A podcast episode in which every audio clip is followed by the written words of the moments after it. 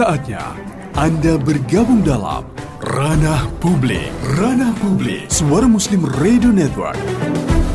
Sampaikan opini Anda. Telepon 031 5624 555. WA 0855 3000 938. Live chat channel YouTube Suara Muslim TV. Dipersembahkan oleh suaramuslim.net. Mitra Muslim di bawah Juliari Peter Batubara, bantuan sosial atau bansos dianggap berubah menjadi bancaan sosial. Bantuan untuk masyarakat yang terkena dampak COVID-19 itu ditengerai, dibagi-bagi ke segelintir koleganya ketika politisi PDIP itu menjadi Menteri Sosial. Komisi Pemberantasan Korupsi KPK pun menyelidiki keterlibatan Herman Heri dan Ihsan Yunus dalam kasus korupsi bantuan sosial 2020 tersebut. Dua politisi Partai Demokrasi Indonesia Perjuangan itu diduga memperoleh jatah terbesar dalam proyek pengadaan barang bantuan untuk masyarakat yang terkena dampak pandemi COVID-19. Namun, baik Herman maupun Ihsan membantah tuduhan terlibat korupsi bansos. Omong kosong, kata Herman. Dan Ihsan membantah. Ia mengatakan tidak benar, itu fitnah. Sementara juru bicara KPK Ali Fikri mengatakan lembaganya akan mengusut aliran uang kepada semua pihak yang terkait dengan proyek bantuan sosial. Kami akan cek alirannya ke mana, kata Ali Fikri. Baik, kita akan diskusikan pagi hari ini Mitra Musim dalam program Ranah Publik dengan tema Usut Tuntas Korupsi Bansos. Ranah Publik. Ranah Publik.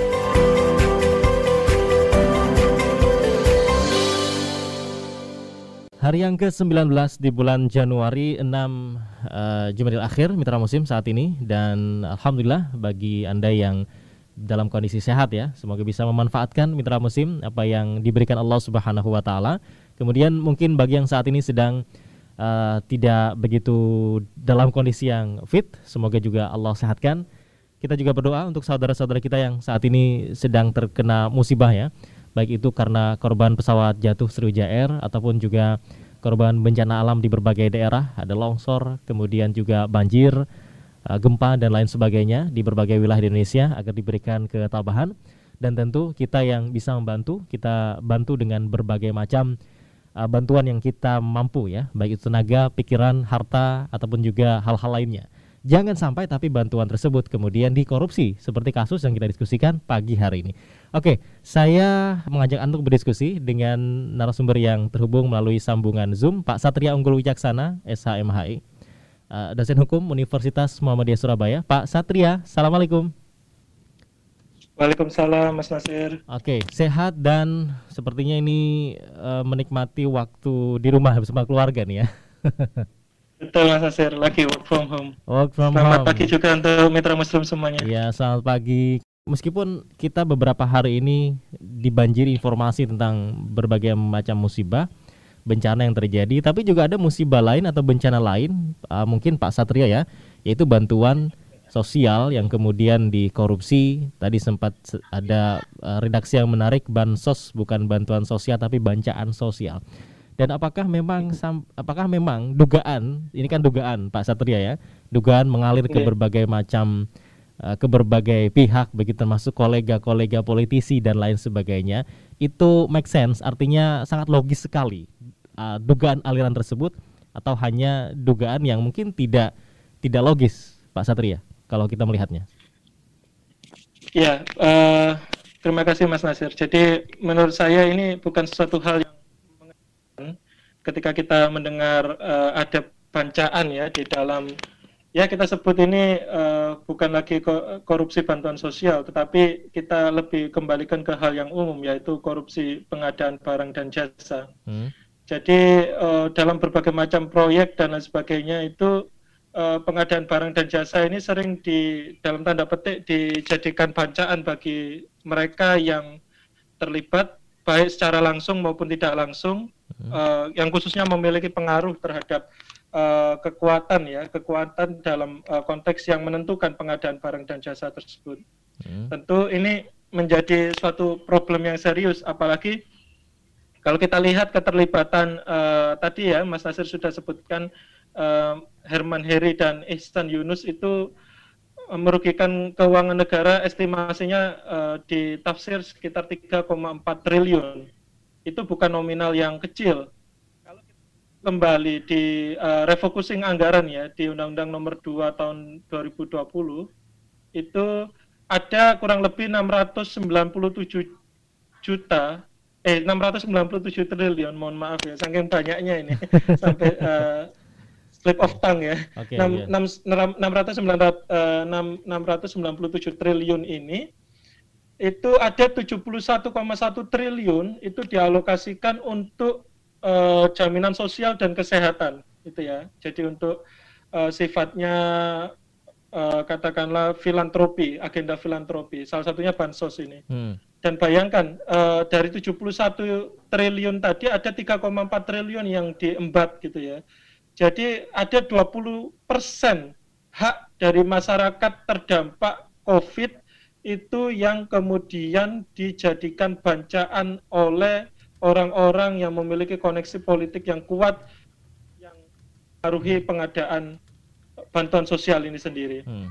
Tentu ini menjadi satu catatan ya. Siapa sih Herman Heri ini? Oke, siapa Herman Heri dan Ihsan Ihsan Yunus ya? Dan Ihsan Yunus, betul sebenarnya mereka ini bukan orang yang kemudian memiliki wewenang untuk pengadaan uh, bansos ini sendiri. Hmm. Apalagi kalau kita ketahui Herman Heri ini kan dari Komisi 3 DPR RI. Komisi 3 itu kan bidang hukum ya. Uh -huh. Bidang hukum. Padahal uh, untuk pengadaan untuk pengadaan apa namanya bansos ini sebenarnya dia harus di uh, melewati uh, Komisi 8 okay. DPR RI yang menangani bidang agama dan sosial. Jadi bukan nah. bidangnya dia sebenarnya di hukum tadi Betul. dengan yang harusnya bidang sosial di Komisi 3 dan Komisi Betul. 8. Betul. Usut punya usut ternyata mereka uh, saudara Herman Heri ini memiliki koneksi politik yang kuat dengan anak di ketua partai politik hmm. terkait. Oke. Okay. Dan tentu ini uh, bukan motif yang uh, baru ya di dalam korupsi pengadaan barang dan jasa di Indonesia. Hmm. Banyak kemudian orang-orang yang sebenarnya memiliki koneksi politik tetapi tidak memiliki koneksi uh, tidak memiliki keterkaitan kekuasaan ya atau keterkaitan kewenangan itu yang kemudian melakukan praktek korupsi. Hmm. Dan ini terjadi di berbagai macam korupsi pengadaan. Yeah. Nah, inilah yang kemudian terkait dengan uh, dagang pengaruh. Dagang pengaruh konsep ini memang tidak dikenal Mas Nasir di Undang-Undang Tipikor kita. Hmm. Tetapi sebenarnya ini menjadi apa namanya fenomena yang direspon sangat positif oleh masyarakat global yeah. bahwa dagang pengaruh ini uh, sangat berkaitan erat dengan menguatnya praktek korupsi khususnya di bidang pengadaan barang dan jasa di hampir seluruh dunia termasuk Indonesia. Ya, sehingga apa yang ya. disampaikan oleh hmm. Pak Pak Her Herman begitu ya mengatakan apa hak saya Betul. atau apa wewenang saya kemudian memerintahkan seorang menteri untuk membagi-bagi itu ke proyek-proyeknya dia. Ini kayaknya uh, kurang begitu logis karena tadi uh, koneksi dia yang begitu kuat, mungkin begitu kali ya. Betul. Nah, ya inilah mengandalkan mengandalkan koneksi politik untuk kemudian membuat apa namanya korupsi bansos ini semakin sophisticated gitu ya, hmm. semakin kuat dengan jaringan yang uh, luar biasa sampai ke akar-akar. Nah, Hmm. Ini jadi PR KPK sebenarnya untuk uh, kemudian mengusut hal tersebut hmm. agar tidak membekas gitu ya, agar tidak menjadi catatan buruk. Syukur-syukur mulai dari Pak Juliat ya sampai hmm. Pak Herman Henry, Pak Ihsan Yunus ini uh, di, dituntut lah maksimal hukuman mati lah. Oke. Okay. Kalau menurut saya itu sudah ada pasalnya. Ya, kalau dilihat dari informasi yang kita dapatkan di media, Komisi Anti Korupsi menggeledah kantor perusahaan yang terafiliasi dengan tadi Herman dan juga Ihsan sepanjang pekan lalu. Artinya memang kalau sudah ada penggeledahan kantor, penyelidikan ini sudah mengarah ke, kuat sekali dugaannya Pak Satria. Jadi kita nggak ngobrol hal-hal yang masih apa namanya kayak mengawang-awang ini ya. awang gitu iya. ya. Betul. Betul, Mas Nasir. Karena uh, dalam konteks ini kewenangan penyadapan, penggeledahan dan lain sebagainya itu artinya sudah melalui tahap izin dari Dewan Pengawas. Kalau kita uh, aspek ini ya, hmm. aspek formilnya ya, aspek hmm. uh, prosedur, prosedur penggeledahan.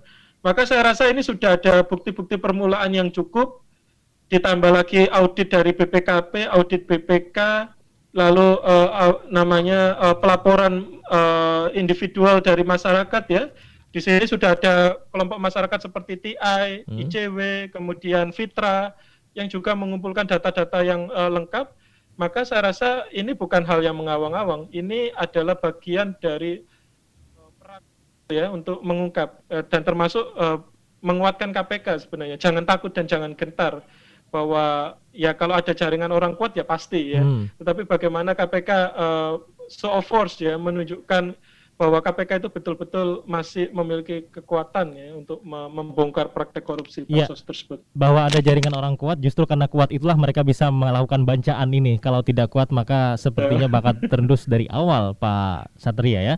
Dan kemudian tentu masyarakat Betul. harus mendukung apa yang disampaikan juru bicara KPK, Ali Fikri, yang mengatakan lembaganya akan mengusut aliran uang ke semua pihak yang terkait dengan proyek bantuan sosial ini. Ranah Publik Ranah Publik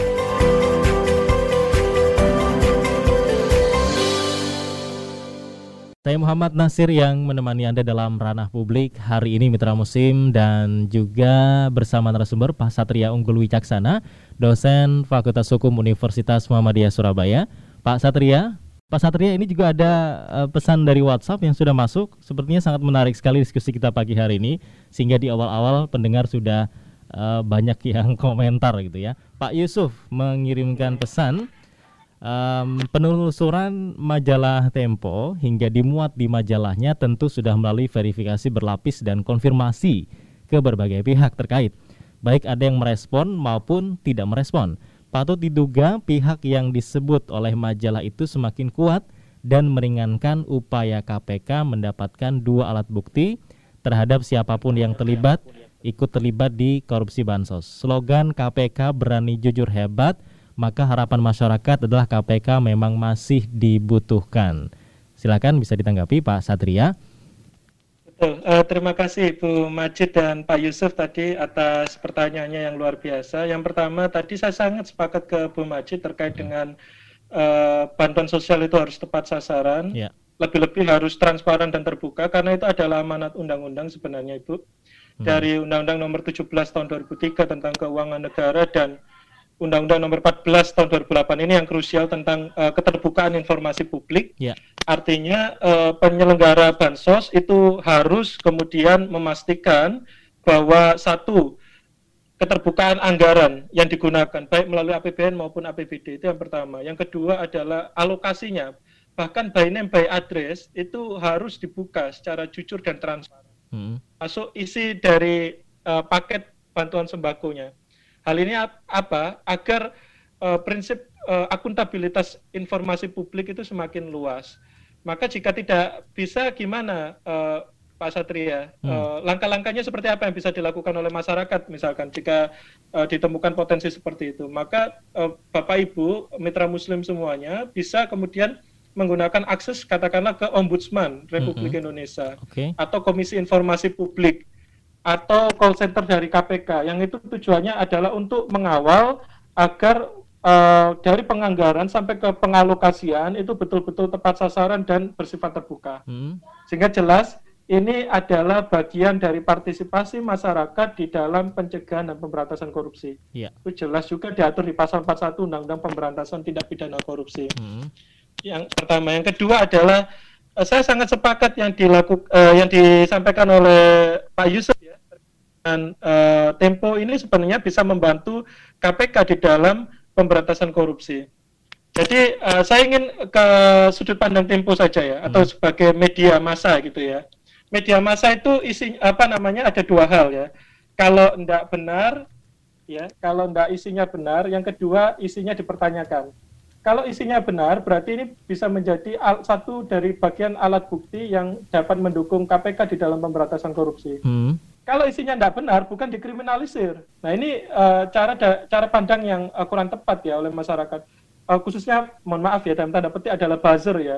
Hmm. Oh kita harus penjarakan Tempo, kita harus bubarkan Tempo. Tidak, tidak bisa seperti itu. Tidak yeah. bisa serta merta. Insan pers itu dilindungi dan dikuatkan oleh undang-undang pers. Okay. Maka jika ada persoalan yang uh, apa namanya terkait dengan berita, ada hak jawab, ada hak apa namanya ada hak uh, apa namanya hak uh, ya. ya dan ini produk pers juga dalam undang-undang pers ya ada masuk ke undang-undang pers harus melewati uh, tentunya dewan pers dulu kan Pak Satria. Dari ya? dewan pers sepakat. Tidak harus langsung ke polisi, tidak langsung ke pembubaran media massa itu. Hmm.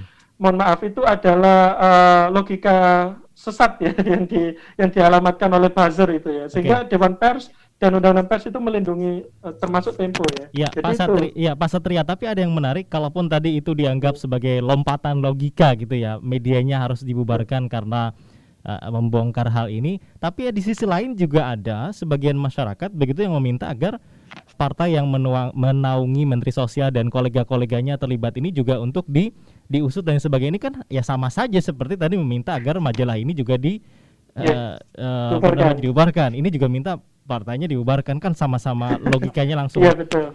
melompat gitu ya. Tapi uh, make sense, maksudnya logis nggak seperti itu? Kita ke Krian dulu Pak ya, ada Pak Muhammad di Krian yang menyebutkan uh, next harus hati-hati dalam memilih para pembantu tanda kutip ya menteri tapi kok kemudian sekarang untuk Kapolri hanya ada satu calon, apakah ini tidak mengulang hal yang sama? Oke, sepertinya Pak Satria juga punya riset tentang korupsi bansos ini, Pak Satria ya, yang akan disampaikan kepada yeah. pendengar. Tapi kita harus mengikuti warta yang juga sudah disiapkan oleh tim redaksi Suara Muslim Radio Network, Pak Satria dan juga Mitra Muslim.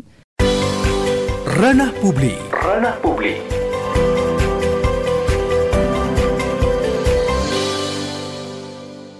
Iya, uh, Mas Nasir. hmm. kalau kita membicarakan uh, korupsi bansos itu memang menjadi suatu problem ya yang sangat serius. Apalagi ini kan sudah berlalu, sekarang muncul bencana alam ya, berbagai ya. macam bencana alam seperti yang tadi yang disampaikan Mas Nasir. Tentu alokasi anggaran yang dikeluarkan oleh pemerintah tentu semakin besar. Hmm. Maka dari itu uh, ini tidak boleh kemudian sampai tidak tepat sasaran seperti itu ya, yeah. atau justru kemudian menguap dan uh, tidak uh, menyelesaikan persoalan. Ada beberapa strategi gitu ya yang bisa dilakukan.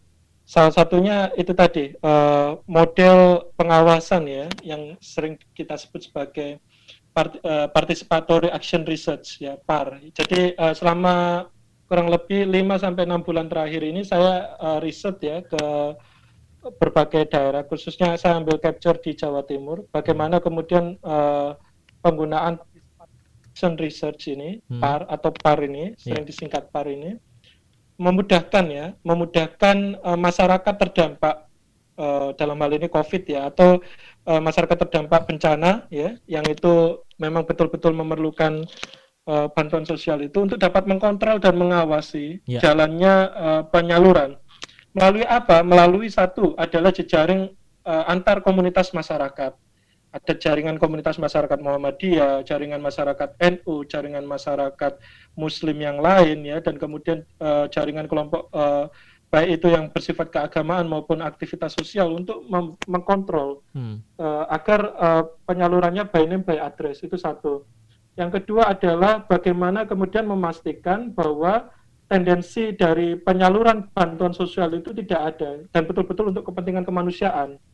Selama ini kita mengetahui bahwa dampak dari bansos itu kan untuk uh, kepentingan narsisme itu ya, hmm. untuk kepentingan uh, ya suksesi politik lah. Kita tahu kemarin kan pilkada serentak 2020 itu juga menjadi satu ajang apa ya bahwa mereka jadi malaikat di tengah di tengah persoalan yang terjadi di masyarakat gitu ya. Pandemi. Tentu ini secara ya di tengah di tengah pandemi, di tengah masyarakat yang sangat membutuhkan. Tentu ini secara keadapan politik, hmm. keadapan demokrasi ini sangat melanggar ya, mencoreng wajah demokrasi kita. Ya, Pak Satria. Ketiga, uh, Pak Satria, hmm. poin kedua ini kalau saya simpulkan artinya bantuan sosial tidak boleh digunakan untuk uh, pencitraan ataupun juga untuk kepentingan politis dari partai politik yang menyalurkan uh, bantuan tersebut melalui kader-kader mereka.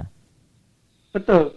Ini justru yang kemudian akan men menjadikan ini, Mas Nasir. Hmm. Uh, kalau saya apa namanya uh, menggunakan bahasa ini, justru mencoreng cita-cita uh, ideologi negara, hmm. mencoreng cita-cita uh, negara ya yang itu sesuai dengan Undang-Undang Dasar 45. Dan ini tadi ada kaitannya dengan pertanyaan apakah bisa kemudian partai politik itu bisa dibubarkan? Hmm.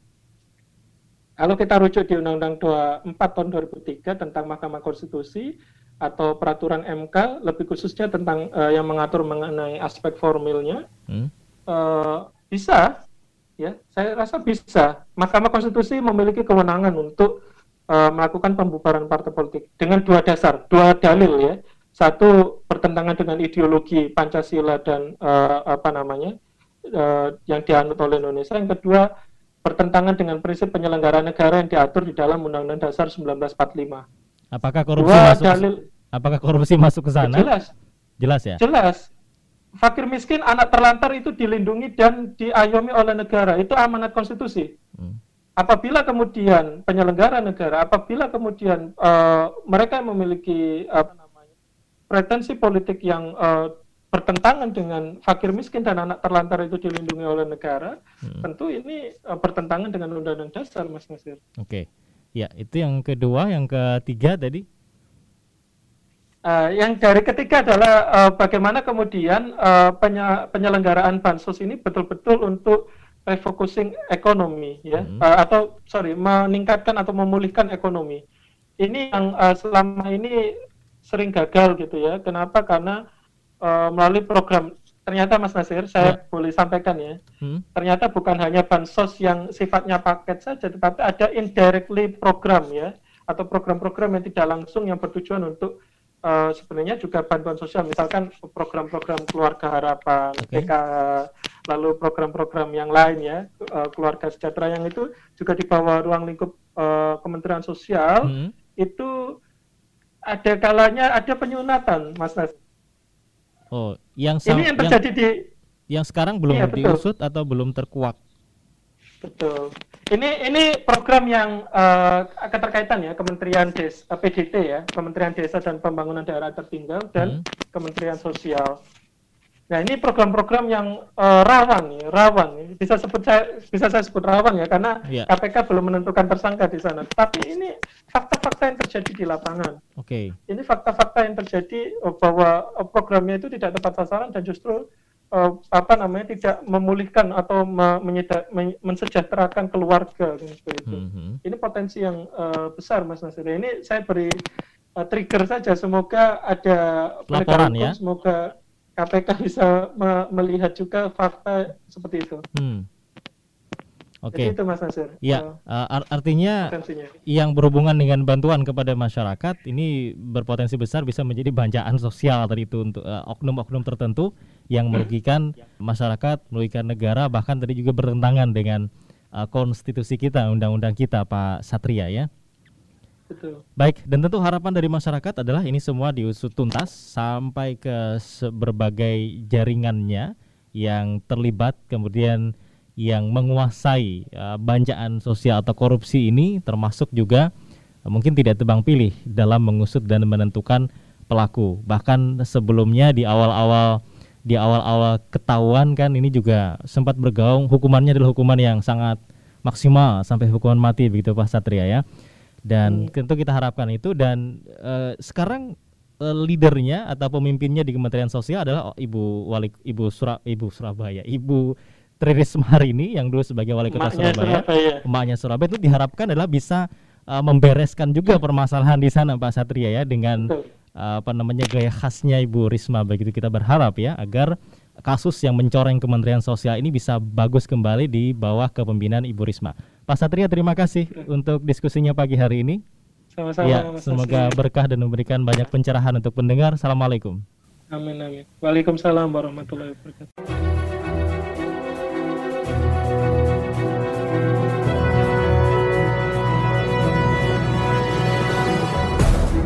Terima kasih anda telah mengikuti Ranah Publik. Ranah Publik. Suara Muslim Radio Network.